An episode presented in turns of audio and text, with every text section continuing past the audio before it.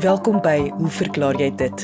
Wetenskapwaardighede oor die natuur en die wetenskap. Jy vra die vraag en ons span beantwoord dit. My naam is Lise Swart en ons paneelkenners vandag is herpetoloog professor Lefras Meton, ekoloog Dave Peppler en teoretiese fisikus professor Hendrik Geier. As jy 'n vraag het, stuur jou e-pos na lise, dit is L I S E by rsg.co.za. Onthou jy kan onder 'n skuilnaam skryf of vra om anoniem te bly. Ons skop vandag se program af met ons kitsvraag wat beantwoord word deur herpetoloog professor Lefras Meton. Professor Meton, hoe verklaar jy dit dat 'n hele aantal slange soms saam onder een klip skuil? Daar was nou onlangs 'n berig in die burger oor 12 slange wat op 'n klein hoewe in die Dwarskersbos omgewing tussen opeengestapelde teels gevind is. In my dae toe ek nou nog baie reptielopnames gedoen is, gedoen het, het ons gereeld gedurende die wintermaande 'n aantal slange van verskillende soorte uh, onder een klip gekry. Gewoonlik 'n lekker groot plat klip wat bo op 'n ander klip of rots lê.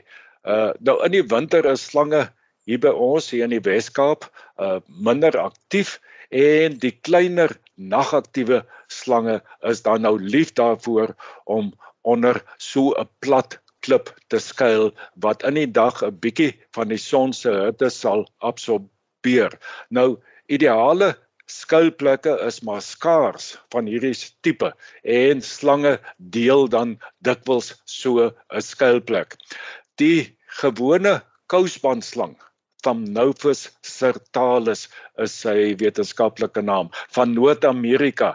Uh hou seker uh, of verseker die rekord as dit kom by aantal slange wat skuilplekke gedurende die koue wintermaande deel.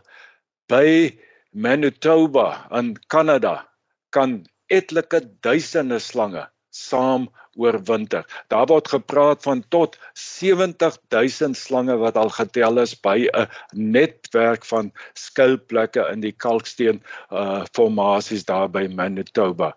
Wanneer die slange dan nou in die lente uit die skuilplekke kom, is dit natuurlik 'n groot toeriste attraksie.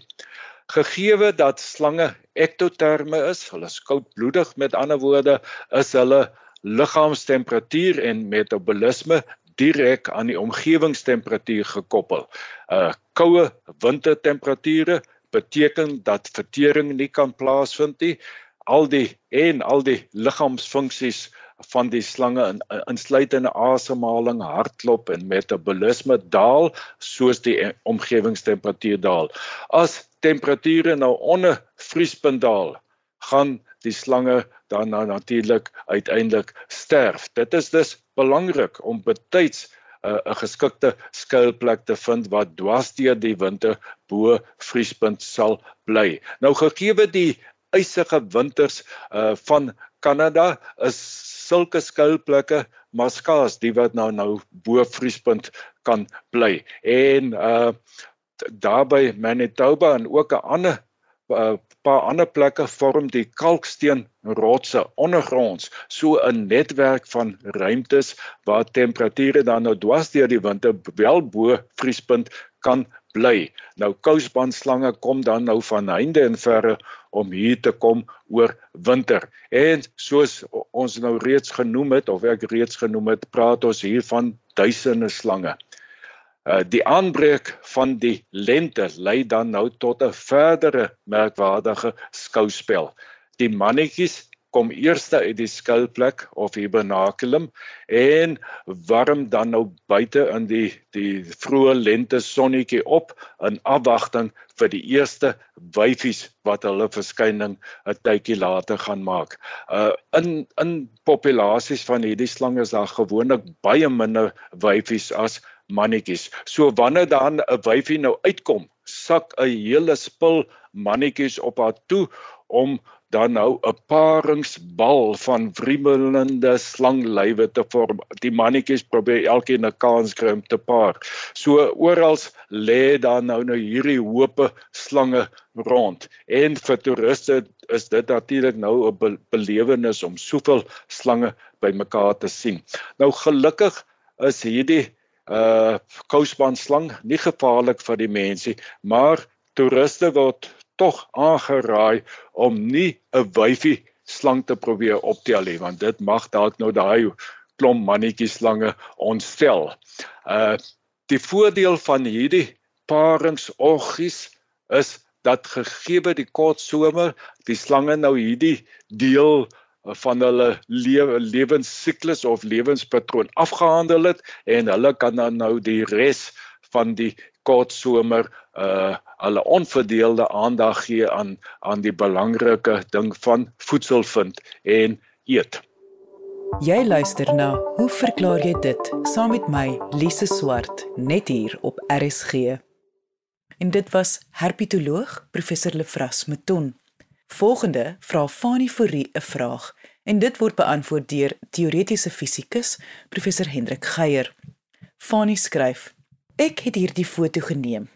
Die lig teen ons muur was aan. Soos ons weet, flikker ligte vinnig. Op die oomblik wanneer die foto geneem is, kan lig duidelik net voor die muurlig gesien word. Volgens my is bewegende lig vasgevang. Dis vir my 'n ongelooflike oomblik. Is ek reg? Nou luisteraars, hierdie foto van Fanie is beskikbaar op RSG se webwerf. Gaan net na rsg.co.za, maar dit is nie nodig om die foto te sien nie. Professor Geier sal ook verduidelik wat gesien word op die foto. So, professor Geier, is Fanie reg? Het hy bewegende lig vasgevang? Dag sê luisteraars, spesifiek ook aan Fanie Fourie, dag sê Lize en Dankie vir 'n interessante foto wat jy gestuur het, Fanie. Miskien moet ek dit vinnig vir die luisteraars beskryf. Op die foto wat Fanie vir ons gestuur het, sien 'n mens 'n muur, lyk my soos 'n ommuurde plek waar hy bly, redelik hoë muur en in die voorgrond sien 'n mens van hierdie tipiese hol uh, sementstene waarin 'n mens uh, wat as 'n stut dien en waarin 'n mens tipies plante kan plant en seker so ten minste 'n meter bokant hierdie holstene sit daar 'n skerp klein vloedlig teen die muur en dit is nou die voorwerp waarop Fanie se vraag fokus want hierdie foto is in die dag geneem en hy het opgemerk dat op die foto is daar so skuins voor hier vloedliggie eh, 'n uh, helder kol op die foto. En Fanie se interpretasie hiervan as ek hom nou reg lees want hy verwys na na die flikkering van ligte en ek kom nou nou weer daarby terug is dat die kamera nou net mooi op die oomblik as 'n mens nou aanneem dat die lig inderdaad flikker dat daar lig sigbaar was dat die foto toegeneem is en hy sê dit lyk vir hom of hy bewegende lig vasgevang het. Nou Fanie, ek dink jy maak nogal 'n paar spronge hier, maar kom ons begin by die eerste stelling wat jy maak, naamlik dat ligte vinnig flikker. Ek's nie heeltemal seker uh wat jy in gedagte het as jy die stelling maak nie. Kom ek kyk na 'n paar moontlikhede. Ehm um, daar's die moontlikheid dat jy dink aan stadsliggies byvoorbeeld in die aand as mense hulle van ver af bekyk, dan flikker hulle definitief, maar dit is die resultaat van lugselle in die atmosfeer wat op lokale skaal effentjies kan verander uh, of verskil in terme van digtheid. Dit beteken lig wat deur hierdie selle beweeg eh, word effentjies verskillend gebuig of gebreek en omdat hulle voortdurend in die atmosfeer aan die beweeg is, lyk dit vir jou of die bron ook so klein bietjie heen en weer spring of terwyl flikker. Uh, ek vermoed wat jy eintlik in gedagte gehad het is om 'n verband te tref tussen die feit dat ons elektrisiteit voorsien word as wisselstroom met 'n frekwensie van 50 Hz. Vir baie mense beteken dit onmiddellik dat jy sit met 'n inherente flikkering in lig. Nou dit is nie noodwendig so nie. Kom ons kyk eers net na die ou tydse gloeilampe wat letterlik met 'n gloeidraad werk. Nou daar het hierdie frekwensie van die van die wisselstroom eintlik weinig invloed want die gloeilampie se gloeidraad kan nie teen dieselfde tempo as die wisselstroom verhit word en weer afkoel en weer verhit word om lig te gee nie. So mense kan sê daar is 'n 'n inherente warmte inersie as jy dit so wil beskryf wat maak dat die gloeilamp min of meer teen 'n konstante temperatuur gloei en dis kom jy nie eers agter dat daar 'n wisselstroom is wat hom voer nie. As 'n mens kyk na fluoriseer buise en soortgelyke ligte en meer onlangs na uh liggewende diodes is die storie anders en daar het dit baie te maak met die tegnologie wat ingespan word om nie flikkerende lig te bewerkstellig. Nou die goedkoopste tegnologie het die resultaat dat 'n mens inderdaad van 'n flikkering bewus is of kan wees, maar liggewende diodes het al dermate ontwikkel dat dit eintlik ook grootliks uitgeskakel is. So Ek dink ons moet nie gaan soek na 'n verklaring vir die foto wat jy gestuur het van die deur te dink aan ligte wat flikker en dat jou foto net mooi op die regte tyd geneem is toe die lig uh, uitgestraal is tydens 'n langer periode waar die lig as dit ware aan en af gaan nie. En ek dink sover ek kan sien is die sleutel tot wat mense hier op die foto sien is om op te let na die skaduwee van die vloedlamp teen die muur en die skade weer en ook die skade wees op hierdie steen stene wat ek voorheen beskryf het hierdie holstene wat so gepak is aan die onderkant van die muur daar kan 'n mens nou ook skade sien. Uh dit sê vir my dat die dat die son toe jy die foto geneem het so skuins van bo af gekom het. En met dit gesê dink ek wat 'n mens hier sien is eintlik wat in Engels genoem word lens flare. Nou daar's nie 'n lekker Afrikaanse woord vir flare in hierdie konteks nie. Uh, mens kan miskien praat van glimmer. Die WAT het nog 'n woord bikker, maar ek dink nie enige iemand het in die onlangse verlede van bikker gepraat nie. Hoe dit ook al sê, ek dink die meeste luisteraars sal vertrou daarmee wees dat as jy 'n foto neem waar die uh waar die son direk op die lens skyn as gevolg van interne breking en weerkaatsing uh is die eindresultaat dat daar ligkol of ligkolle op die fotosensitiewe sensor of op die film geregistreer word. Sommige fotograwe gebruik dit om spesifieke effekte te kry. Ehm uh, as 'n mens net gewoonweg fotos neem vir die rekord, is dit dan kan dit afbreek doen aan die kwaliteit hiervan as jy so 'n ligkol die foto uiteindelik registreer want dit kan baie keer groot wees in die, in die geval van die foto wat Fanie vir ons gestuur het is dit nou nie groot nie. En wat my verder laat dink dat ons hier eintlik met so 'n 'n lensglimmer te maak het is die duidelikste sigbare ligkol op die foto is links sigbaar van die uh vloedlig, maar aan die regterkant is daar ook so effense ligkolletjie sigbaar min of meer van dieselfde grootte. So Fanie, ek hoop nou nie ek bederf jou jou uh opgewondenheid met die met die moontlikheid dat jy 'n bewegende lig afgeneem het nie. En mense in elk geval kom vra as jy as jy enige foto van lig onder watter omstandighede ook afneem het jy dan nie eintlik dieselfde gedoen nie. Maar jy sou maklik kon nagaan of of ons hier met met lensglimmer te maak het deur dieselfde foto op 'n ander tyd van die dag te neem waar die son van agter af skyn weer eens met die lig wat nou in die dag aangeskakel is en te kyk of jy op dieselfde plek weer so 'n in in ligkol kan sien en jy kan maar 'n hele klompie van die fotos op hierdie manier neem om te kyk of jy hoegenaamd so 'n ligkol sien en ek het te vermoed dat die antwoord sal nee wees. So ek dink die die mees rasionele verklaring vir wat van hier afgeneem het is dat daar uh, direk op sy kamera lens 'n bietjie sonlig geval het en dat dit dan uiteindelik op die foto as 'n helder kol op die foto registreer. En dit was teoretiese fisikus professor Hendrik Geier. Onthou indien jy 'n vraag het, kan jy 'n e-pos stuur na Lise, dit is L I S E by rsg.co.za of direk deur RSG se webwerf gaan net na www.rsg.co.za.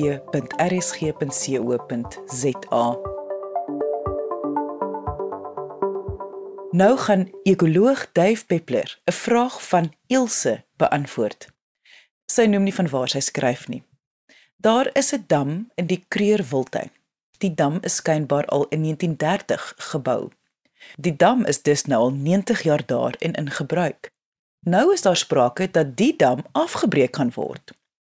As mens in aanmerking neem dat die dam 90 jaar bestaan, en in berekening bring die lewensduur van 'n mens en 'n dier, dan is daardie dam al deel van die ekologie van die omgewing. Die diere in die omgewing is al gewoond om die dam daar te hê. Verskeie geslagte diere en plante groei het al aangepas by hierdie dam. Ek dink dus dat hierdie dam al so deel van die omgewing geword het dat om dit af te breek nie reg sal wees nie en skadelik vir die ekologie sal wees. Dave, ons praat vandag oor water in bewaringsgebiede na aanleiding van 'n brief wat ons ontvang het. En die brief gaan spesifiek oor uh damme in die Kreeubultyd, maar kom ons stap 14, 15 tree terug en kyk na water in bewaringsgebiede. Nou, voor ons by die water kom, moet ons eers praat oor draagkrag. Met ander woorde, hoeveel organismes, en nou praat ek van skorpioene en olifante, kan 'n sekere gebied dra sodat dit volhoubaar is. My antwoord hier hierop is 'n baie wrede stelling. Die maksimum aantal diere, draagkrag, is die maksimum aantal diere wat enige gebied op die slegste tyd van die jaar kan dra. Met ander woorde, op die ergste, die droogste, die warmste, die koudste.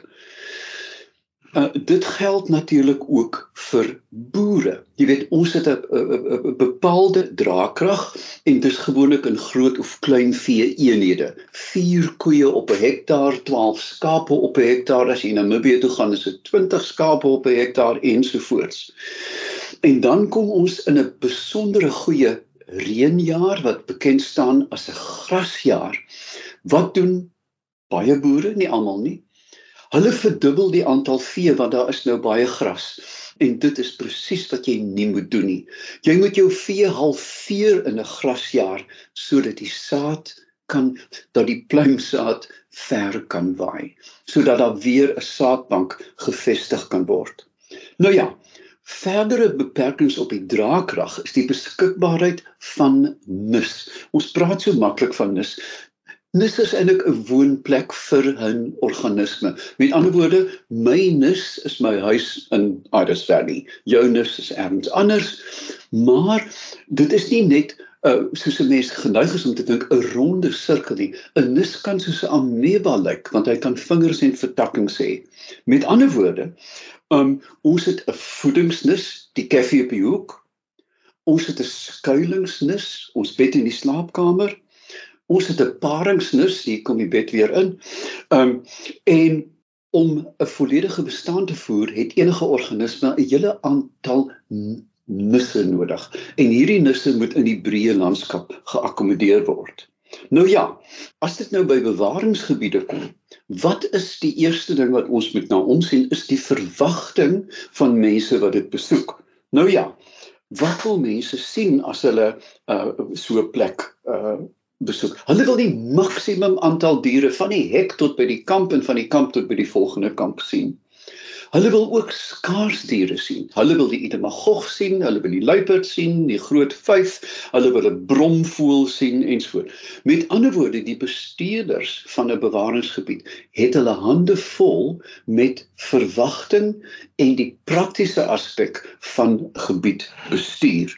Nou wat is die werktuie wat ons het om so groot groot en ek praat nou van groot, nie van klein uh, uh klein parkies in 'n dorp nie, maar van ware wildtuine.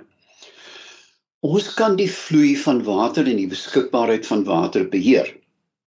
Dit help jou absoluut niks as jy kyk na die Kruger Wildtuin waar die groot riviere wat die park bedien, byna almal leeg getap is deur boere stroom op nie. Ons weet dit ook van die Inslesloe by St Lucia dat die meer is disfunksioneel omdat die watervloei onderskep is deur suikerboere hoofsaaklik. Ek ek blameer nie die boere nie, hulle boer, maar ongelukkig funksioneer St Lucia nie goed nie. Die tweede werktuig wat ons kan gebruik is brand. En natuurlik almal se hare staan oorent. Ooh, hemel, ons boere mense is mos verskriklik bang vir brand, want die ding kan spring en jou buurman afbrand en dan is dit hofsaake.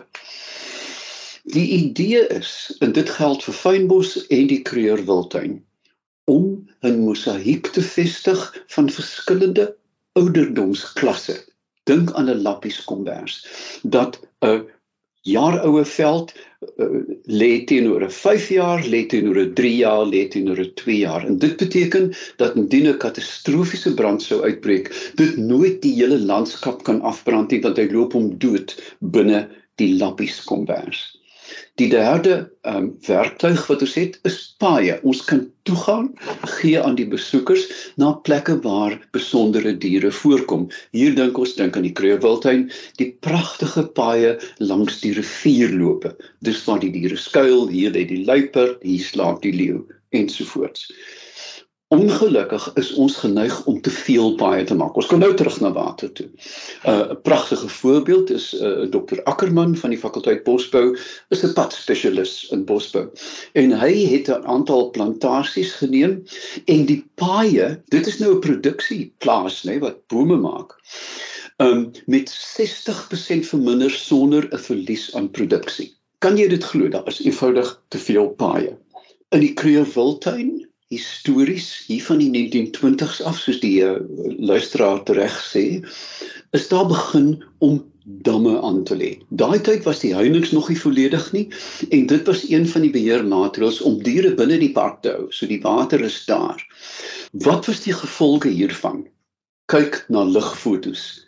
Erge vertrapping van die veld waar daar nie voorheen 'n waterpunt was nie. Kyk maar na jou plaas op Google Earth die windpomp, daar is 'n 'n spinnerak van paadjies wat van oor die hele landskap na hierdie waterpunt kom. Die veld is vertrap um deur spesies soos sebra, ook deur olifante en ons weet die ewige olifant debakel in die Kruger Wildtuin. Uh daaroor kan ons in 'n ander program gesels. Daar is selfs verstoring van migrasie dat diere nie meer so ver migreer as gevolg van die standhoudende waterpunte wat kunsmatig aangebring is nie. Maar dan ook is daar 'n ernstige toename in predasie. Met ander woorde, as 'n sebra weet elke aand gaan hy suip by windpomp A, dan weet die leeu dit ook. Met ander woorde, daar's 'n abnormale attrisie um as gevolg van hierdie jagdruk op die diere wat die water dan gebruik. Trapsgewys het die Kruger Wildtuin begin om hierdie watergate toe te maak en daar is ewige reaksie van die publiek want hulle het verwagtinge. Toe ek 'n kind was, het ons altyd na 'n piknik gehou en daar was altyd olifante ensovoorts. Maar tereg sê hulle dat hulle bestuur die park nou op die landskapvlak en nie op die grondvlak nie. En dis die regte benadering. Met ander woorde, dit is byna soos terugstaan by 'n kinderspartytjie laat hulle mekaar uitsorteer. Die gevolge gaan soms dramaties wees en tragies veral in die lig van ehm um, van klimaatsverandering dat daar groot, maar ek bedoel baie groot vlektes gaan wees. En die Kruger Wildtuin het onlangs weer deur 'n erge droogte gegaan. Maar ons moet besef dat die welstand van groot gebiede gaan oor die landskap en nie oor die grondvlak nie. En dan die ou gesegde moet ons onthou dat die een se dood is altyd die ander se brood. En dit was ekoloog Dave Peppler. Indien jy 'n vraag het, stuur jou e-pos na lise@rsg.co.za. Onthou jy mag onder 'n skuilnaam skryf of vra om anoniem te bly. Ek sê baie dankie aan ons kenners en vraagstellers vandag. Onthou om altyd nuuskierig te bly en vra te vra. Tot volgende week net hier op RSG saam met my, Lise Swart. Totsiens.